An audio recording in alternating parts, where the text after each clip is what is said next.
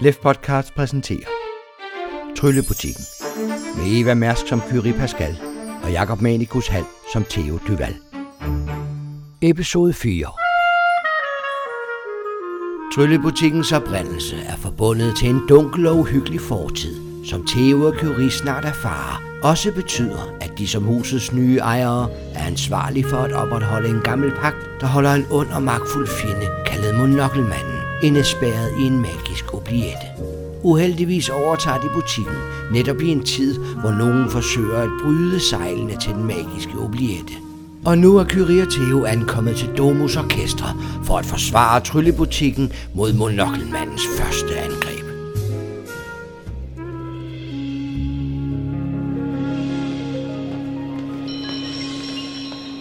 Publikum bevæger sig ind i den store koncertsal. I kan se dem vise billetter til kontrollørerne ved dørene. Ja, altså, jeg skal lige på toilettet først. Et øjeblik. Mens Theo forsvinder ud på toiletterne, står du alene tilbage i Curie og ser på myldret af publikummer, der strømmer ind i koncertsalen. Alt virker som en almindelig koncert. Og så alligevel er der noget, som giver dig en fornemmelse af, at intet er, som det skulle være. Du får pludselig en sær fornemmelse af, at det hele er et teaterstykke i teaterstykket, hvor publikum er aktørerne, og aktørerne er publikum. Jeg står lidt og, og tripper og knuger de der billetter mellem lidt svedige hænder. Jeg kommer ud på toilettet. Øh, ah, Kyri.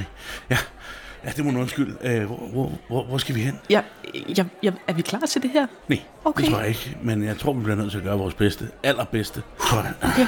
Hvad, står, hvad står der på de der billetter? Jeg prøver at folde dem lidt ud af det der øh, fedtede, krøllede værk. I kigger på de smukke billetter og læser, at I skal sidde på balkonen. Kigger rundt efter nogle skilte eller nogle vagter. øh, Er der en kontrollør? Er der... Ja, Der står billetkontrollører ved alle indgange til koncertsalen. Jeg skal over til ham der. tripper med. Da I nærmer jer døren og de publikummer, som er på vej ind, får en af billetkontrollørerne øje på jer og giver tegn. Hey, I to! I skal op på balkongen! Tak. Nu skal jeg vise jer vej, siger han, og fører jer ned langs gangene, der løber parallelt med koncertsalen. Theo, du er klar over, at denne vej fører ned til garderoberne og scenen. To gange kommer I forbi åbne døre ind til koncertsalen, der nu næsten er fyldt helt op af publikummer, og I fornemmer tydeligt den summe af spænding og forventning, der kommer derindefra. Theo, Theo jeg vil hjem. Det, det her, det, jeg, jeg er slet ikke... Jeg ved det godt, men, men jeg, jeg, jeg, jeg, tror ikke, der er nogen vej Kan vi tilbage. ikke finde ham, Valomo? Finde ham og få ham ud? Jeg tror ikke, det er sådan, det fungerer. Jeg tror slet ikke, det er sådan, det fungerer. Her, tag min hånd. Jeg, du får en meget svedig, rystende, rystende hånd. Giv den en ordentlig klem. Kom, Okay, nu gør vi det. Billetkontrolløren fører jer helt ned for enden af gangen og gennem døren, der fører om til scenen og garderoben. Men her fører han jer ud på selve scenen bag tæppet, som I kan se er dekoreret som en slags teaterforestilling, med kulissen af en middelalderby med hyggelige butikker, boliger, gadelamper og værksteder. Scenetæppet er trukket for, og scenen er sparsomt oplyst af små lamper. Lige nok til man kan se, hvor man går. Ude på den anden side af scenetæppet hører I publikums forventningsfulde mumlen og orkestrets mange lyd. Er du sikker på, at vi skal ind her? Billetkontrolløren nikker. Balkongen er lige derovre, svarer han og peger på bagsiden af en stor kulisse, der står helt fremme ved scenekanten. I skal bare kravle op på stigen der, så kommer I op til Theo, balkongen. hvis jeg går op på den der scene, så lover du, at du får mig ud fra den her koncert i aften. Jeg lover. Knæk og bræk. Billetkontrolløren vinker, vender om på hælen og efterlader jer alene tilbage på sidescenen. I træder ud på scenen og nærmer jer stigen bag kulissen, som billetkontrolløren udpegede for jer. Første gang jeg gik på scenen, der var jeg så nervøs. Jeg var, jeg var lige ved at kaste op. Hvad, hvad, hvad gjorde du? Tripper Brossen, mens vi går derhen af. Hvad, hvad gjorde du? Der er ikke en masse whisky. Har du noget whisky? Jeg klarer mig på lommerne. Nej, det skal nok gå. Det skal nok Okay, gå. okay, Når okay, man okay, først okay, kommer okay, i gang, okay, okay. Så, så, så hjælper det. Okay, jeg, jeg tager mig sammen. Ja, tag min hånd. Kom. Rækker ud. Der er ikke et øje herude, og lydene fra den anden side af scenetæppet skærper intensiteten. I stopper op foran stigen, og kan herfra se, at den balkon, I skal være på, er kulissen af et borgtårn. Skal vi? Ja, vi skal. Okay, jeg kravler op. Så træder jeg op af stigen, der fører jeg op til kulissebalkongen, to meter over scenegulvet. Heroppe står I kun en lille armslængde fra scenetæppet, og I bemærker en lille lap i scenetæppet, der kan løftes, så man kan se ud på publikum og ned i orkesterkraven. Jeg kigger med det samme ned, for at se, om jeg kan finde harpespilleren Balomo Al Dente. Kan du se ham nogle steder? Det er et større symfoniorkester med violiner, bratcher, celloer, kontrabasser, oboer, klarinetter, trompeter, tromboner, pauker og cymbaler. Og der, der står den store harp. Der er dog ingen harpespiller i nærheden. Kry, se, se harpen. Okay, vi skal bare ned og have fat i ham. Men, men han er der ikke. Der sidder ikke nogen dernede. Men prøv at se. Kan du... mm, Er der nogen veje ind på scenen lige? At kan vi spotte nogle steder, hvor det ligner, at musikerne vil komme ind fra? Orkestergraven har sin egen udgang, der fører om bag til garderoberne. Men man kan også komme til orkestergraven fra scenen, men så skal man ud foran scene til. Okay. Skal vi prøve at spurte ned ad trapperne igen? Se om vi kan stoppe ham fra at komme på scenen? Du tror ikke på, at det er den måde, det kommer til at fungere lige meget, hvad vi gør, så skal vi ind på den scene, og det er ikke rigtigt. Jeg skal i hvert fald sidde heroppe. Men jeg vil virkelig ikke. Nej. Okay, okay. Så hører I en stemme kalde på jer nede fra scenen bag jer, Hej deroppe! Skal de der med? kalder stemmen videre. Kigger tilbage. Da du kigger tilbage, ser du en lille tyk mand med baret og kedeldragt. Han vifter med nogle papirer op imod dig. Partituret! I skal have partituret med! Hvis det er det mindste af et manuskript, jeg går ned af trappen igen. I det øjeblik, du træder ned ad stigen, rækker manden papirerne op til dig, så du kan nå dem uden helt at gå ned til scenegulvet. Knæk og bræk! Griner han og vinker. Vi holder med jer! Det gør vi alle sammen! Det er vi bare rigtig glade for at høre. Tak. Jeg rækker det op til Da dig. du får partituret i hænderne til Eve, kan du straks se, at det er noderne og teksten til en duet. Nej, det er sangnoder. I skal tydeligvis synge en duet sammen. Kan- Kan... Åh, Gud. Vi skal synge en duet. Og Kom, kom, kom op med dig. Du kravler det sidste stykke op ad stigen og kommer igen ud på kulissebalkonen. Jeg er ved at besvime. Træk vejret dybt. Okay, Det skal nok gå. okay, Det skal nok gå. okay, okay. Jeg kigger i de der papirer. Du stiger på de mange linjer, prikker og streger. Du kan da godt se, det er noder, og de er da ikke helt fremmede for dig. Men det er godt nok længe siden, at du har læst sådan nogen. Er der to sæt? Der er et sæt til at være, og ved at læse dem, forstår I, hvad forestillingen handler om. Det handler om en prinsesse, der inviterer hele byen til bal på slottet, for at alle kan høre og se det smukkeste menneske spille på sin harpe. Men midt under forestillingen bliver harpespilleren bortført af monokkelmanden for at blive offret i et okult ritual. Men samme aften står det elskende par på tårnets balkon, hvor de kan beskue den smukkeste mand spille harpe. Og da de ser, at han bliver bortført, beslutter de sig for at redde ham. Men netop som de sætter efter, bliver den unge mand kaldt til dansegulvet af prinsessen, som er hemmeligt forelsket i hende, og den unge kvinde må fortsætte alene på egen hånd. Og til sidst i papirerne finder I to forskellige partiturer til afslutning, alt efter om det lykkedes eller ikke lykkedes det elskende par at redde det smukkeste menneske. Ej, det er jo ikke så godt. Det er sangnoder. Du, du, du kan ikke synge? Theo, jeg kan ikke synge. Jeg kan ikke engang synge i badet. Jeg kan ikke én tone rent. Altså, jeg synger heller ikke, så du spiller bedst. Har du, har du taget din klarinet med? Nej, jeg skulle da ikke tage den klarinet med. Jeg er ikke sikker på, at jeg kan få lov til at synge spil. Så hører I dirigenten slå på pulten tre gange med sin dirigentstav. Publikumsummen forstummer, musikerne gør sig klar ved instrumenterne, og for et øjeblik er der ganske stille.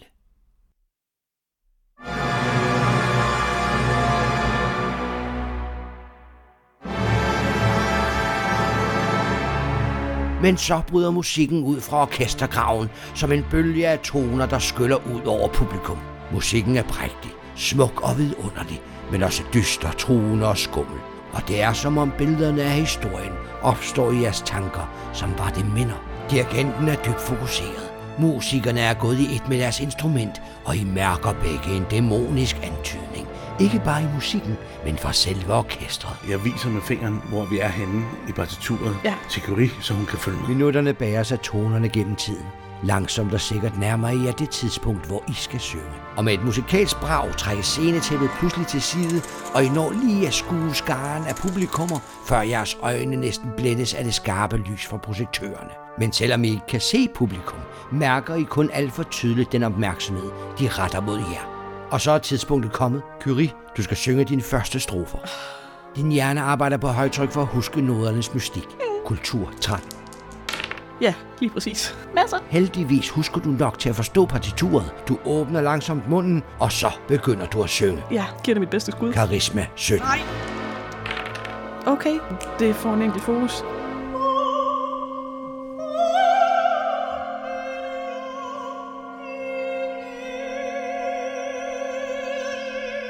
Og da tonerne forlader dine læber, chokeres du over, hvor vellydende de er. Og du synger, som om du aldrig havde bestilt andet. Jeg kigger lidt overrasket over på dig. Jeg, jeg smiler til dig. Ah, sådan. Jeg føler mig hæppet. Det er svært ikke at fortabe sig i Curies sang, men kort efter er det din tur til at synge, Theo. Karisma 14. Karisma 21.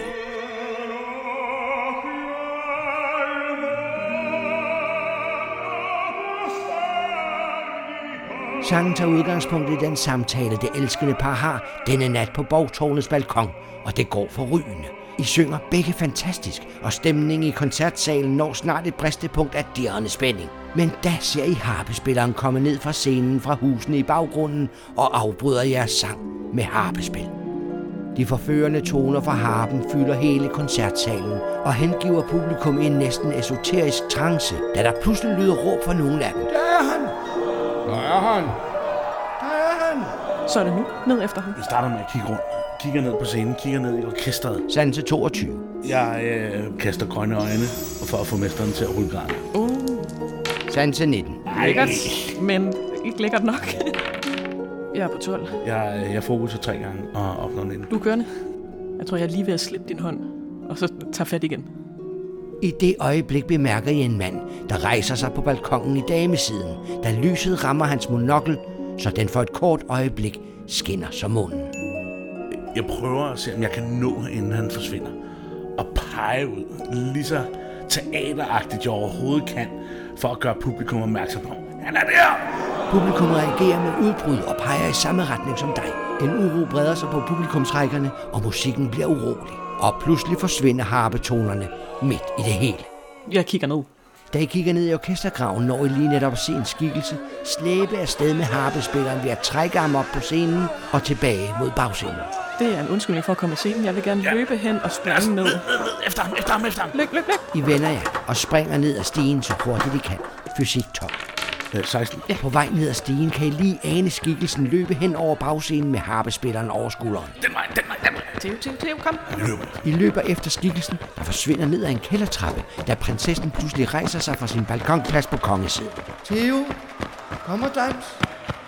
Efter ham, Kyrie. Jeg må, jeg må gå tilbage ud på scenen. Jeg Øh, tager, tager lige den hånd og sådan, nu danser du. Afsted, Og kom kom nu. og tilbage igen, kom nu. Der er ikke mere tid. Afsted, afsted. Jeg løber den anden vej. Så skilles jeres veje. Kyrie, du fortsætter mod kældernedgangen efter skikkelsen, mens du, Theo, vender om og går ud på scenen, hvor publikum modtager dig med klapsalver. Prinsessen kommer ud på scenen til dig fra kongesiden i den mest elegante perlemorskjole. Hun ligner ikke længere et barn, men en ung kvinde. Hendes øjne skinner med et brændende grønt skær, og hendes ildrøde læber smiler til dig. Nu skal du have din dans. Ja. Lad humbaton, lad musikken flyde. Så griber hun din hånd og fører dig rundt på scenen i en gotisk vals. Hun er exceptionelt dygtig og fører dig hen over scenen, så det står klart for enhver, hvem der styrer dansen. Ej, det duer ikke. Karisma 26. Før hende. Kom så. Pokkers. Du 26. kan godt. Nej, Øh, har vi ikke... jeg har øh, området du har med området. karisma. Og så skal jeg bruge to fokus, tak. Og så klarer jeg. den. Men du tager dig alvorligt sammen og tager langsomt føringen over prinsessen, der smiler imponeret til dig, mens hun griber hårdere fat i dig og bliver endnu mere takfast.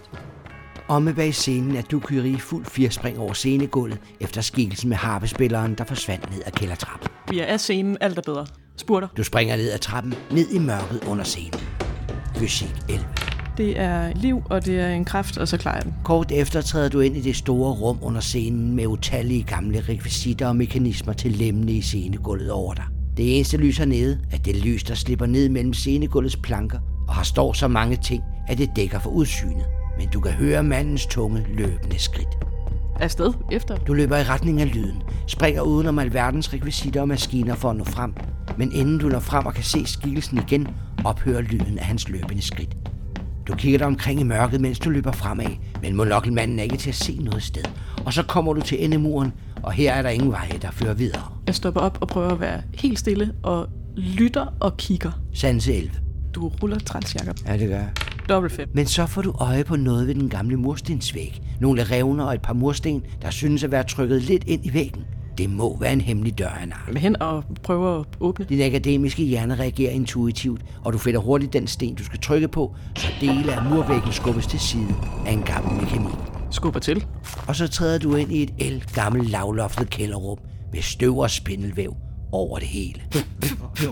Det eneste lys kommer et sted bagfra i rummet. Et sted, du ikke kan se på grund af bunkerne af elgamle og ødelagte møbelrekvisitter, der ligger overalt. Du må bevæge dig forsigtigt for ikke at falde over det og slå dig. Eller endnu værre, at brække noget. Lyskilden flakker som et stearinlys, og du kan høre væskende lyde dernede fra. Der er garanteret en offring i gang der, dernede. Jeg lader døren stå åben, og så øh, sniger mig så stille, som jeg kan. Med forsigtige skridt lister du frem mod lyset mellem bunkerne af de gamle møbler. Mørket er tæt omkring dig, og det føles som om hele rummet ånder dig i nakken.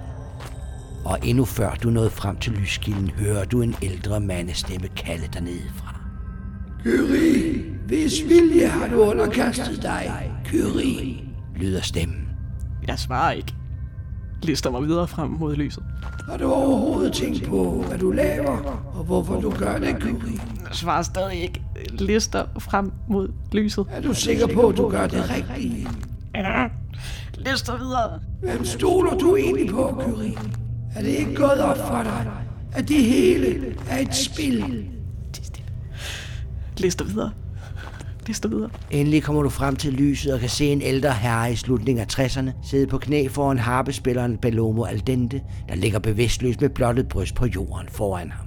I hånden holder han en kniv, som han er ved at skære symboler i Aldentes bryst. Men netop som du kommer frem, standser han op og ser i din retning. Han ser dig, og du ser monoklen, han har for sit højre øje. Da det går op for mig, at, øh, at han har set mig, træder jeg frem. God aften, Kyrie. Så møder du endelig monokelmanden. Vi har let efter dig. Det ved jeg, Kyrie. Vores skæbner er uløseligt forbundet med hinanden. Kyrie. Godt at møde dig.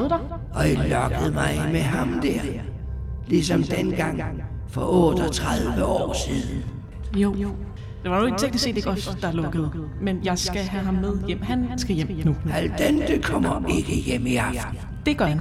Denne gang vil du falde for min list, og alt vil gå anderledes. Kyrie, du er en intelligent kvinde. Du er en akademiker. Hjernen er dit våben. Jeg skal bare ud herfra, og jeg skal have ham med. Har du tænkt over, hvad du laver? Jeg har virkelig forsøgt. Kyrie, går du ind for retfærdighed? Selvfølgelig gør jeg det. Hvorfor står du så på de uretfærdige side? Hvem er de uretfærdige? Du kender de uretfærdige. Dem, som dræbte min elskede kone og spærrede mig inde. Det er okulte råd. Netop det okulte råd. Men hvorfor dræbte de din kone? Vi var drevet af ren jalousi og nedkærhed. Ja. Misundelse. Det var misundelse i sin reneste ondskabsfulde form. Ja. Jeg tror, de havde en grund til det. Jeg har hørt masser om dit styre. Du har kun hørt de uretfærdige side af historien. Og alene ud fra den har du valgt side. Fortæl mig om dit styre. Hvorfor er det, at du så har mere grund til at være her end alle andre? I århundrede havde de misundt mig min kone og min rigdom. Flere gange havde de forsøgt at rejse oprør mod mig, men jeg straffede dem ikke for det. Og hvad var takken? En nat kom de til mit slot, sneg sig ind med mørket for at dræbe mig og min kone og tage det, som var vores. Min kone var forsvarsløs, men jeg, jeg var for stor en mundfuld til dem. Så i stedet for at dræbe mig, spærrede de uretfærdige mig inde og idømte mig evig ensomhed. Havde du ikke også dræbt en masse før? På grund af din kone? Selvfølgelig dømte jeg mennesker til døden. Jeg var magi. Jeg havde ansvaret for et len og alle dets indbyggere. Jeg måtte fungere som dommer. Det var min pligt. Det var sådan, man gjorde dengang. Ja, dengang. Det gør man ikke mere. Det- Vi skal have det stoppet nu. Det er ikke din tid længere. De tog livet fra mig, og nu siger du, at jeg ikke har ret til det længere, fordi tiden er gået. Åh, hvilken uretfærdighed. Men, men Robert, Tryllebutikken er et monument på uretfærdighed. det mener du måske. Hvad er det retfærdige her at gøre så? Er det at slå en mand ihjel for at bryde sejlet? Manden kigger på dig gennem monoklen, der blinker koldt i sterinlysets sparsomme lys. Jeres forfar, Tustaskens-spiller, fandt ud af, hvilken uretfærdighed de havde begået. Det var hans samvittighed, der fik ham til at lukke mig ud dengang. Og det var ham, der fik monoklen, fordi han ville hjælpe mig. Men de andre i det okulte råd opdagede det og lukkede mit fængsel, endnu før jeg kunne nå at komme ud. Det var derfor, Tustaskens-spiller grundlagde tryllebutikken, for at bryde sejlene og sætte mig fri. Det bliver ikke i dag, Robert. Manden stiger igen på dig gennem monoklen og smiler. Ja vel. Så er vi kommet til den scene i forestillingen, hvor du tager monoklen fra mig. Med en rolig bevægelse løfter han hånden mod øjet og tager monoklen af. Han ser på den et øjeblik. Den blinker koldt i flammens lys. Så rækker han den ud til dig. Tag en dyb indånding. Grib ud og tag den. I det øjeblik, du griber fat i den, mærker du noget trænge ind i din krop og din bevidsthed. Noget, som er langt stærkere end dig. Og i et nu bliver alt sort.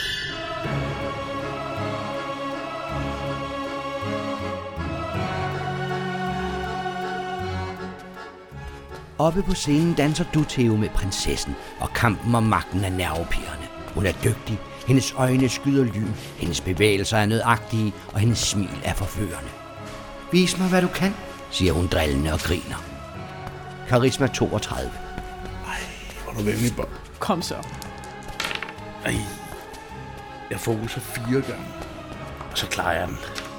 Og så tvinger jeg hende til venstre, men så siger jeg, det er mig, der bestemmer. Og med denne sidste magtovertagelse tvinger du prinsessen bagud, der synes at nyde sit nederlag. Musikken slutter, og publikums bifald vælter ind over.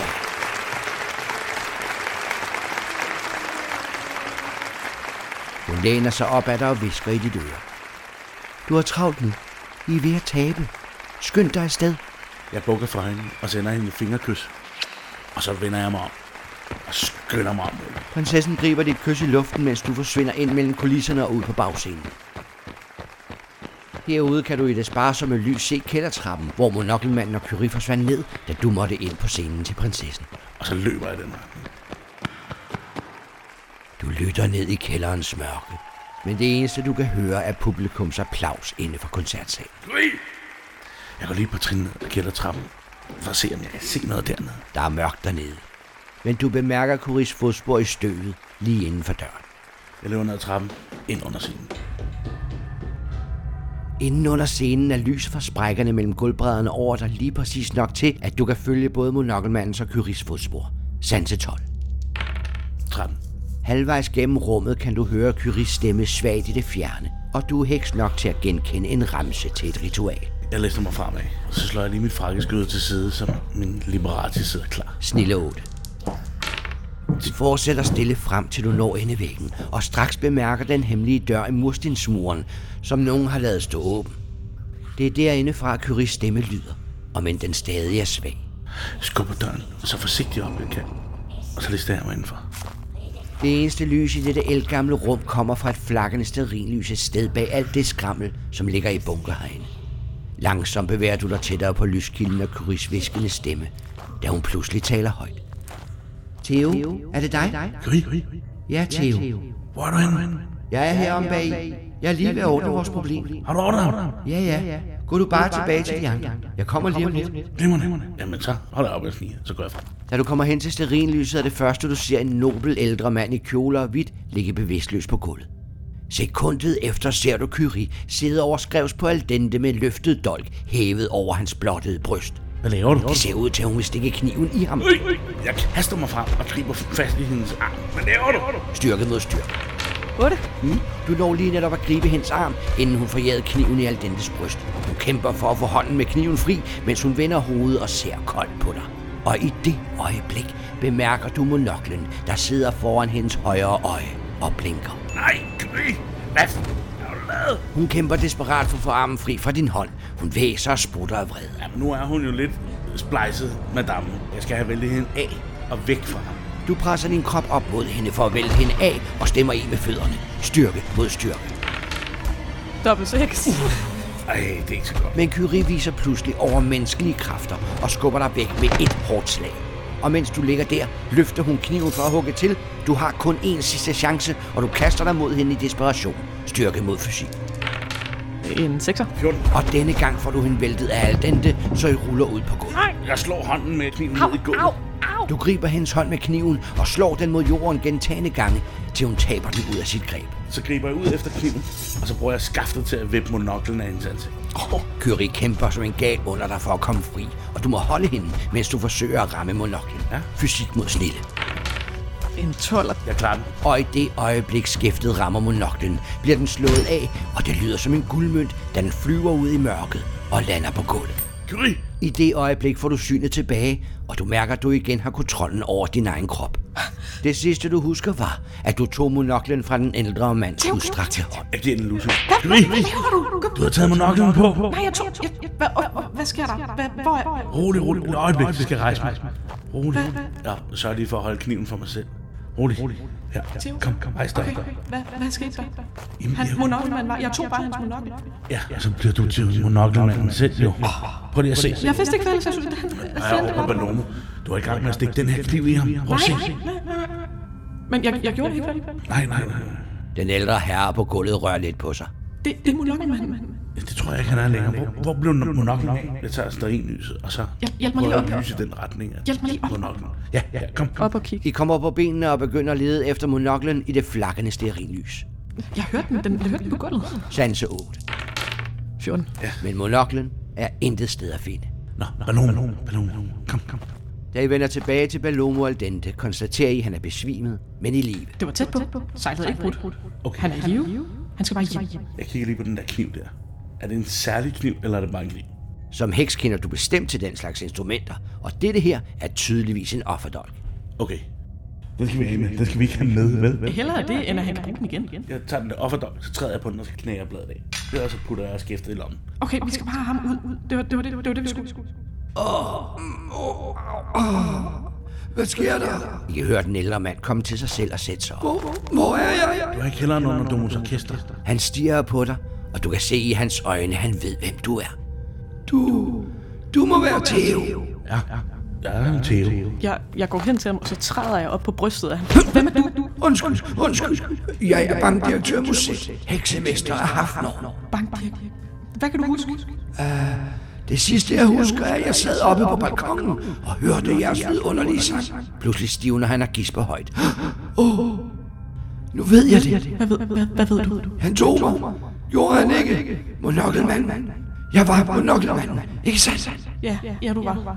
Han stiger med redsel på Aldente, men ånder lettet op, da han kan se, at harpespilleren stadig er i live. Jeg, jeg træder ned fra ham. Du må hjælpe os. Hvad kan jeg gøre? Jeg vender mig om og peger på Balomo. Vi skal have ham der hjem nu, nu, og du skal hjælpe os. Han tager fat, men han har ikke så mange kræfter, og det undrer jeg, hvordan han dog havde kræfterne til at slippe Aldente herned i første omgang. Jeg går hen og tager fat i Aldente. Kan du ikke lide Ja, giv lige en hånd her, ikke? Det var lidt anstrengende tur. Okay, den her vej. Jeg viser ret ud. På den måde får I Aldente op fra kælderen under scenen og op på bagscenen. Okay, jeg giver tegn til bankdirektøren, han skal slippe ham. Så er det mig, Køge. Bankdirektør Musset nikker og forsvinder ud til publikumsgangene, mens I fortsætter frem mod scenen. Men så hører I løbende skridt ude fra højre, og I ser den lille tykke mand komme jer i møde. I gjorde det, I gjorde det. Udbryder han begejstret og klapper i hænderne, Husk, I skal synge partitur til afslutningen. siger han og rækker af partiturerne. Nej, nej. Skynd jer, skynd jer, skynd jer. Det, okay, det er nu. Det, Det er nu. det skal bare overstås. Tag en under hver arm. Få ham der med ind. I rykker Aldente op i jeres greb og fortsætter mod forscenen. Ja. Han er egentlig ikke så tung, men det er besværligt at gå med ham. Snille Tom. Dobbelt 5. 21. Og netop som I træder ud på scenen, begynder musikken, og publikum rejser sig og leverer et storslået bifald. Kan vi prøve at bevæge os i takt til musik? Så det ser øh, koordineret ud. Karisma 17. Ja, 17. Lige præcis. 21. I træder ind, som var det hele indstuderet, spacerende i takt med musikken, med højt hævede hoveder og sejrige blikke. I partituret står der følgende i regibemærkningen. Det forelskede par kommer sejrige ind på scenen med al dente mellem sig og synger. Og jeres bevægelser passer så fantastisk til musikken, at den netop når til det punkt, hvor du skal synge, Theo, da I står midt på scenen. Og den. Du ser ud over publikum, slår sejrigt ud med armene, og så flyder tonerne fra dine læber. Karisma 19. 21. Ja.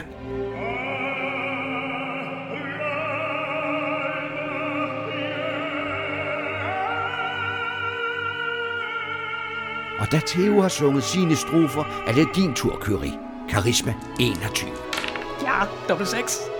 Jamen, jeg tager mit cue for dig og synger med.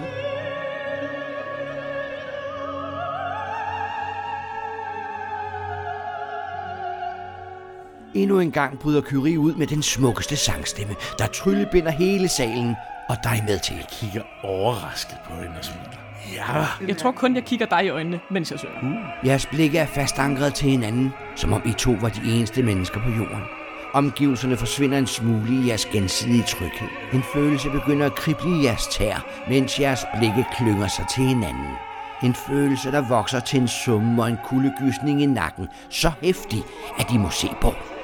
Og netop som I gør det, ser I dirigenten Le Humbertons ansigt af og til ændre udseende af ren ophidselse, så I nogle gange kan se hans dæmonansigt. Åh, oh, fedt. Og når I ser ordentligt efter, er hele orkestret dæmoner, der i glæden over musikken glemmer at ligne mennesker.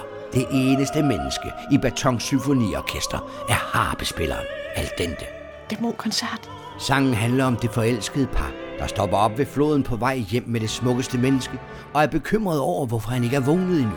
Derfor beslutter de at synge for ham, for at vække hans sjæl og lokke den tilbage til livet, inden den helt er borte fra hans krop. Okay, okay.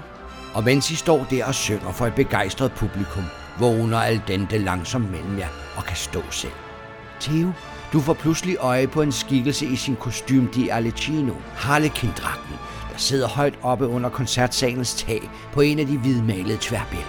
Et enkelt blik på ham, og du ved, at det er Fabelkar, underholdningens dæmon, der sidder og nyder forestillingen. Og netop da bryder al dente ud i sang, hvor han takker for, at I har reddet ham fra monokkelmanden og sang hans sjæl tilbage til hans krop. Vi træder et skridt væk fra. ham.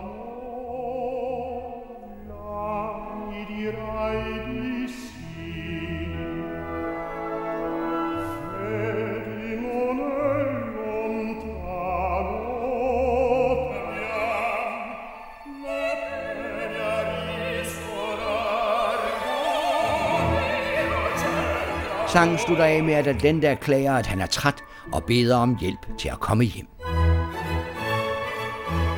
Det kan du tro, du skal få. Og hvad, hvad er hjem i den her sammenhæng? Er det over til harpen, eller er det, Nej, vent lige lidt. Nej, vent lidt. Hvad var det, der stod i de der... Øh... Han skal hjem til sin bolig. er, der, er der et sted på scenen, der kunne ligne en bolig? I vender jer om og betragter scenens kulisser. Sanse 9. Ja, Først og fremmest ser I den store borgtårnskulisse med balkongen, hvor I stod. Den står næsten helt fremme ved scenekanten ned til orkestergraven. Bag den står kulisser, der forestiller en middelalderby med hyggelige huse, butikker, værksteder og hjem. Og i et af dem er der lys i vinduerne. ja derovre. Jeg peger. Jeg prøver at træde ind i rytme med dig. Jeg går foran og prøver at vise en vej. Jeg slutter med armen over mod huset. Al dente ligger igen sine arme over jeres skuldre, men denne gang hjælper han til med at komme hen over scenen. Og således kommer I til kulissen med lys i vinduet. På døren er festet et navneskilt. Bellomo Al Dente. Ah, Så åbner I døren og træder indenfor i kulissen, hvor alle lyde fra koncertsalen pludselig forstummer. Og herinde står prinsessen. deres majestæt. Deres majestæt. I gjorde det godt. I har fået mange venner nu. Hvad al den der angår, overtager vi ham herfra. Okay. Og, og gør hvad med ham præcist? Al den der vender sig mod dig og smiler. Det er min belønning for at udsætte mig selv for den fare, som I to lige har reddet mig fra. Okay, jamen han virker... Du er hjemme ved din bolig. Jeg ønsker at tage med prinsessen. Og tusind tak for jeres hjælp, siger Aldente og Buk. Ja, det er velbekomme. Denne aften blev jeres, siger prinsessen. Denne aften viste I alle, at I er de rette ejere af tryllebutikken. Nå, det var, ja, Det var heldigt. det var godt. Alt den, det giver jeg hånden og bukker lidt. Og hvis I nogensinde skulle få brug for min hjælp, så ved I, hvor jeg bor. Kigger rundt ind i det. Er det, er det et lille hus? Er det et hvad? Det Det. er en kulisse, men det er også et lille rum med en bagdør. Han bor på scenen. I må hellere vende tilbage til scenen og publikum. Jeg er sikker på, at de vil vise jer deres tak. Nå, Ja, Jamen, øh, kom godt hjem. ja. Nej, nejer igen. Ja, ja, ja, ja deres majestæt. Og tak for dansen. Jeg blinker til hende. Den bedste dans i 38 år, smiler hun og vinker jer ud af døren med sin vifte. Theo, kom så. Ja, jeg kommer nu. Jeg kommer nu. Armkrog. Jeg kommer. I det øjeblik, I træder tilbage ud på scenen, slukkes alt lys, undtagen to skarpe følgespot, der retter sig lige mod jer. De er så skarpe, at I kun svagt kan ane publikum, mens I modtager deres stående hyldest. Gry, smil. Smil. Jeg, Nu. jeg, jeg smiler og Smil. går ud. Jeg klemmer din hånd alt, hvad jeg kan. Hen til midten. Ja. ja. Smil, smil, Jeg smiler, smiler, smil. smiler, smiler. Alt hvad jeg kan. Vi bukker på tre. En, to, tre. Buk. Bukker med. Og netop som I bukker for publikum første gang, stopper musikken, al lys slukkes, og publikums klappen runger ud i et ekko. Og da I kigger op, er koncertsalen fuldstændig tom. Stedet er gammelt, slidt og faldefærdigt. Okay, Jeg tror, det er over. det er overstået. Jeg tror, jeg tror faktisk, jeg tror, okay, jeg vil hjem nu. Ja, Gry. Ja. Lad os finde en trappe ned. Vi skal... Okay. Huh. Okay, vi klarer det. Ned, ned, ned. Ud herfra. Der plejer at være en trappe heromme. Er det et forladt teater, eller er det bare tomt? Det er et gammelt teater, der har stået ubrugt hen i årtier. Lidt ligesom butikken. Lidt ligesom Tryllebutik. Ja, Ja, lidt ligesom butikken. Det har du ret i. Hmm. Jeg kigger mig lidt omkring, mens vi går ned igennem stolerækkerne og ud mod døren. Ned døren. har vi været... Hvad er det her, Theo? Jeg har ingen idé om det, men Det føles ligesom butikken. Er vi i en anden dimension? Hvad, hvad? nej, jeg tror bare, at øh, Er det magi? Er det en drøm? Er det... dæmoneri af en eller anden slags. Jeg ved det ikke. Så meget kender jeg trods alt heller ikke til det. Det her, det er noget helt andet noget, end jeg har prøvet. Den store dobbeltdør ud til for Jørgen knirker på sine hængsler. Herude ligger støvet tyk på gulv og bord. Tilfældige brædder ligger spredt rundt omkring, og ruderne er så beskidte, at man dårligt kan se ud af dem. Og netop da I når til udgangen, hører I en spæd ringeklokke ringe et sted udenfor. Det er vores lille cykel.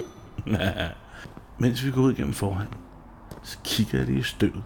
Kan jeg se vores skridt, da vi kom ind i støvet? Hvad, hvad kigger du efter? Jeg prøver at se, om jeg kan se vores skridt, da vi kom ind. Sanse 9. Det er aften, og det eneste lys kommer fra gadelamperne udenfor, så der er ikke meget at se.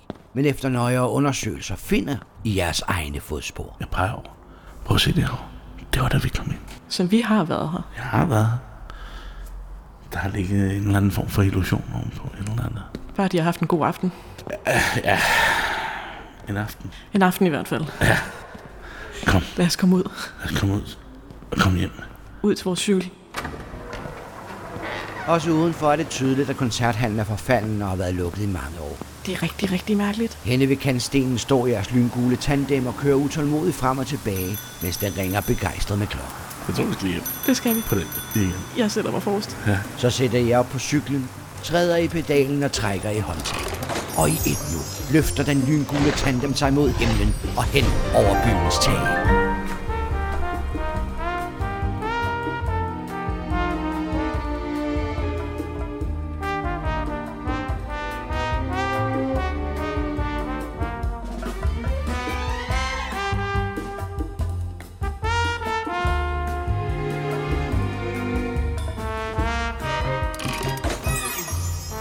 Vi lander i den lille baggård med det store bøgetræ, hvor gule, røde og brune blade evindeligt falder fra det gren. Så ikke en aften. Så ikke en nat. Så ikke en dag. Sikken, det har været den mærkeligste dag, jeg nogensinde har oplevet. Den lyngule tandem triller udmattet ind under halvtaget i garagen, Jeg klapper den lige på sædet. og du får lige et ring fra ringeklokken med på vejen.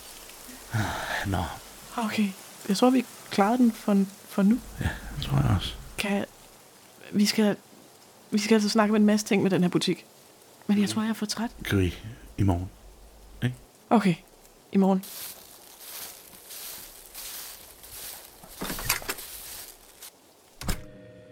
I det øjeblik, I kommer indenfor, kan I tydeligt høre lyden af Lamberts tasteri oppe på kontoret. Tror du, det er en godnatbesked? Jeg går foran og op ad, op ad trappen. Ja, lad os gå på. Da I kommer op til skrivemaskinen, kan I læse en længere tillykkeønskning for jeres indsats her til aften. Jeg kigger på dig. Tillykke. Jeg giver dig hånden. Godt arbejde. Godnat.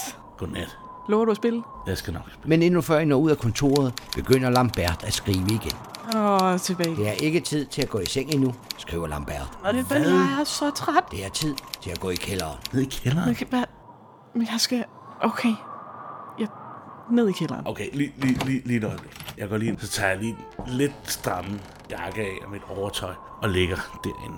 Imens så går jeg ind i køkkenet og ser, om fru Pot måske er i gang med en kop kaffe. Fru Potter er allerede i gang med kaffen, da du kommer ud til hende. Ja, hør, det gik jeg så godt her til aften, siger hun begejstret. Det gjorde de. Vi er alle sammen meget stolte af jer. Det forstår jeg. Er I også så stolte, så I kan lave os en kop kaffe? Det er jo lige det, jeg er i gang med, siger fru Pot og skænker varm kaffe i kopperne. Jeg kommer ud i køkkenet. Kaffe? Jeg rækker en kop til dig. Som om du har læst mine tanker. Du ligner en, der kunne bruge det. Kælderen. Med kaffen i hånden følges I ned i kælderen med det røde stenkul, det magiske symbol og de tre døre med de tre sejl. Alting ligner sig selv hernede, men så bemærker I, at døren ved Nvidia-sejlet stopper klem. Uh. uh. Kan man se noget ind ad døren? I kan ikke se noget fra den vinkel, I står i nu, men I kan se, at der er lys derinde. Skal vi... Så åbner I døren og kigger ind. Det er et lille kvadratisk rum med fint tapet på væggene og pur på gulvtæppe. Midt i rummet står et fint blankpoleret bord med en lampe og to grønne bowlerhatte. Hvad? To grønne bowler. Hvad? Det er vel en til hver? Ja, men jeg s- har ikke det store behov for en grøn bowlerhat. Nej, Jeg synes, jeg er fin med garderoben op ovenpå. meningen må være, at vi skal tage de der hatte på, hva? Ja, det ligner det godt nok, men øh, jeg har prøvet at tage én ting på i aften, og jeg er ikke sikker på, at, øh, at det er mig, der skal først den her gang. Ja, det kan jeg godt forstå, men jeg, jeg tror, det der sker her, det vil jeg os alt det bedste. Tror du, det er okay? Jeg håber jeg i hvert fald. Okay, For jeg tænker mig at tage den der på. okay. Jeg tager en af bowlerhatten, den der ser ud som om den passer mig, og tager den på hovedet. Jamen, jeg tager efter dig og tager den på I hovedet. det øjeblik, I begge tager hatten på, kan I pludselig høre hinanden tale, uden I åbner munden. Og så går det op for jer, at man med disse hatte kan tænke til hinanden. Uh. Man kan ikke høre hinandens tanker, men man kan sende en tanke til den anden, når det ønskes. Kyrie, Theo, er det lidt mærkeligt det her? det her er det fedeste i hele verden. Prøv lige, prøv lige at overveje det her. Det er sådan en slags øh, trylle. Om en, nej, Okay, det er meget, det er meget. altså, sove. Sove. Mm. Jeg løfter øjenbrynene til dig og tænker, ja, ja, ja, tak, tak. ja, tak. Nå, jeg kigger mig en sidste gang rundt i rummet. Hvis ikke der er mere. Kom, lad os komme på.